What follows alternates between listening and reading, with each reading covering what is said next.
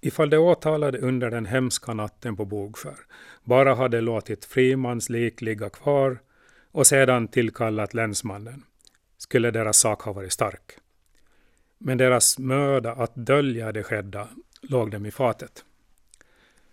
Likaledes gjorde det tidigare erkännandet samt att Karl Westerlund var allmänt känd som en klipsk pojke.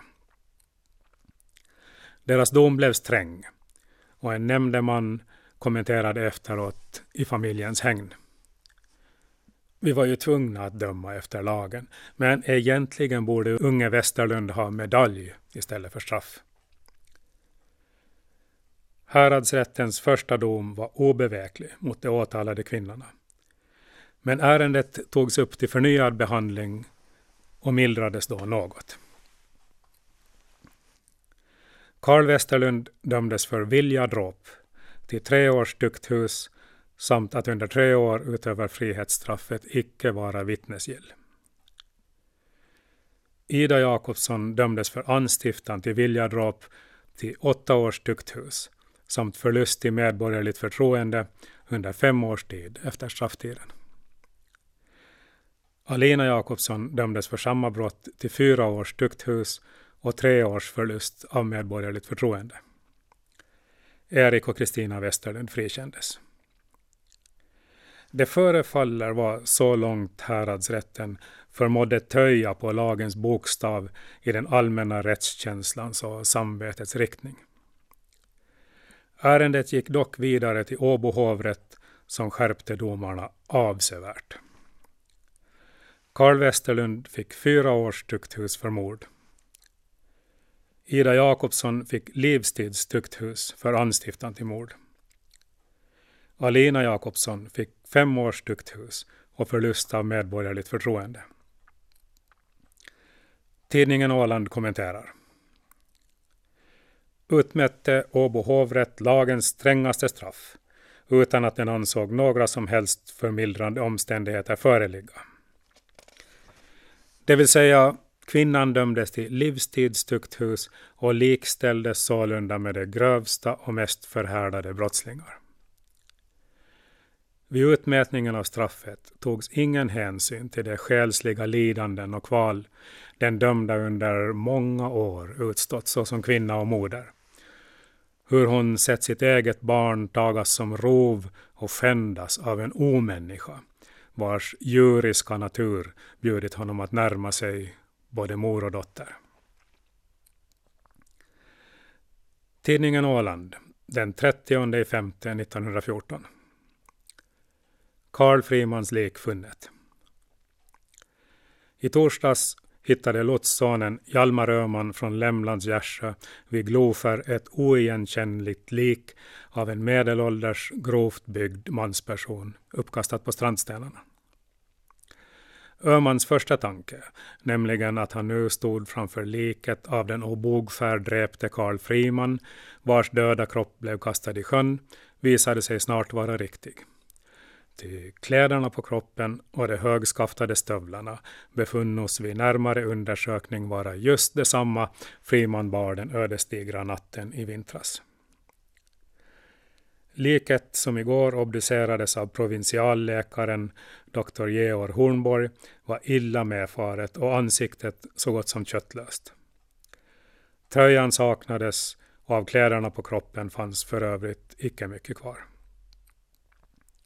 Då liket hittades på östra stranden av Gloför, som ligger söder om Gärsö, måste detsamma först ha drivit ut till havs och sedan med sydostlig vind ha förts till Gloför.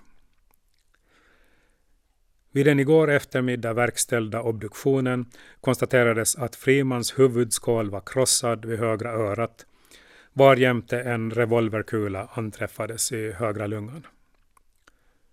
Fullkomligt uteslutet torde icke vara att Friman ännu var vid liv då han vräktes i sjön.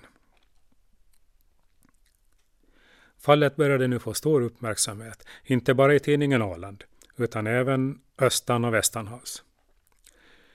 I Sundbloms tidning skrev signaturen KR bland mycket annat. Denna tilldragelse, mordet, framkallade dock på samma gång en befrielsens suck hos befolkningen i den trakt vilken i åratal hållits i skräck av den dräpte och som aldrig, om den och velat, haft mod att resa sig upp emot honom. Ty den avdagatagne Karl Friman, en jättegestalt, var den mest förfarne usling som trampat Ålands jord. Hans undanröjande måste därför anses som en välgärning för den bygd där han under många år utfört sina hemska dåd. Det är inte en och inte två gånger som Friman varit i del om med rättvisan, vilken han dock lika ofta drog vid näsan. Hans frejdebevis liknade mera ett anteckningshäfte än vad det skulle vara. Frimans brottsregister visar att tingen i Korpo, Bjärmo och Rimito i hans ungdom hade dömt honom till spöslitning och kortare frihetsstraff för snatteri, sabbatsbrott och stöld. Men att han aldrig stått till svars för vålds eller andra grova brott. Dessa domar låg också ett kvartssekel tillbaka i tiden. Det enda belagda våldsdåd Friman tycks eh, kunna bindas vid framkommer vid rättegången efter hans död. Sålunda kunde rätten idag med flera vittnens utsago bestyrka att Hugo Henriksson till och med varit i slagsmål med Friman samt en gång genompryglat denne. Tillfrågad medgav Hugo Henriksson nu att han vid angivna tid verkligen varit i handgemäng med Friman. Denna jättegestalt som höll en hel bygd i skräck fick alltså stryk av unge Henriksson som inte var känd som någon slagsbult. Skräckinjagande hårdhet visade Friman i alla fall vid sin egen död, vilken Ida Jakobsson enligt vittnena Ida och Werner Karlsson hade beskrivit sålunda. Han var seglivad som själva Satan, för om en slår en oxe med yxa i huvudet, så visst skälper han, men icke Friman. Signaturen KR skriver vidare. Friman bevakade sorgfälligt det ensliga bogfär. När jägare anlände till trakten ledsagade han dem själv överallt, var artig och tillmötesgående på alla sätt. Men önskar någon över till Bogfär hette det förbjudet område. Där höll han de båda kvinnorna strängt bevakade och sorgfälligt utestängda från all beröring med den yttre världen. Själv försåg han dem med det oundgängliga från staden och skaffade för övrigt vad de behövde utom skäret. Ingen jägare torde heller någonsin kunna skryta med att han besökt skäret utom möjligen då Friman var bortrest eller satt inburad. Frimans besök i buren hade skett långt före han flyttade till Lillbroskär. Och två viktiga vittnen vid rättegången var Julius och Oskar Silander från Kumlinge, vilka hade varit inkvarterade hos Ida och Alina Jakobsson under nio års tid, upp till två månader per år. Kvinnorna Jakobsson omvittnade det som goda och anständiga människor och de kunde intyga att Friman hade fört ett fasligt regemente med kvinnorna. Advokatfiskalen G. Skybergsson har i Åbo underrättelser ägnat fallet ingående granskning. Familjen på Bogskär nämnes dock av fiskare som angjorde holmen välvillig och gästfri.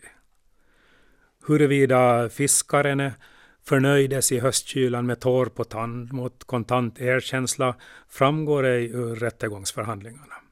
Hemlivet saknade ej frid. Längre fram driver han sina spekulationer vidare.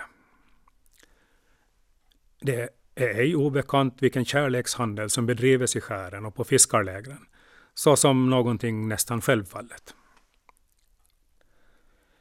Advokatfiskalen säger sig inte vilja insinuera att sådana saker förekommit på bågfär, utan spekulerar för att peka på brister i utredningen av vad som föregått brottet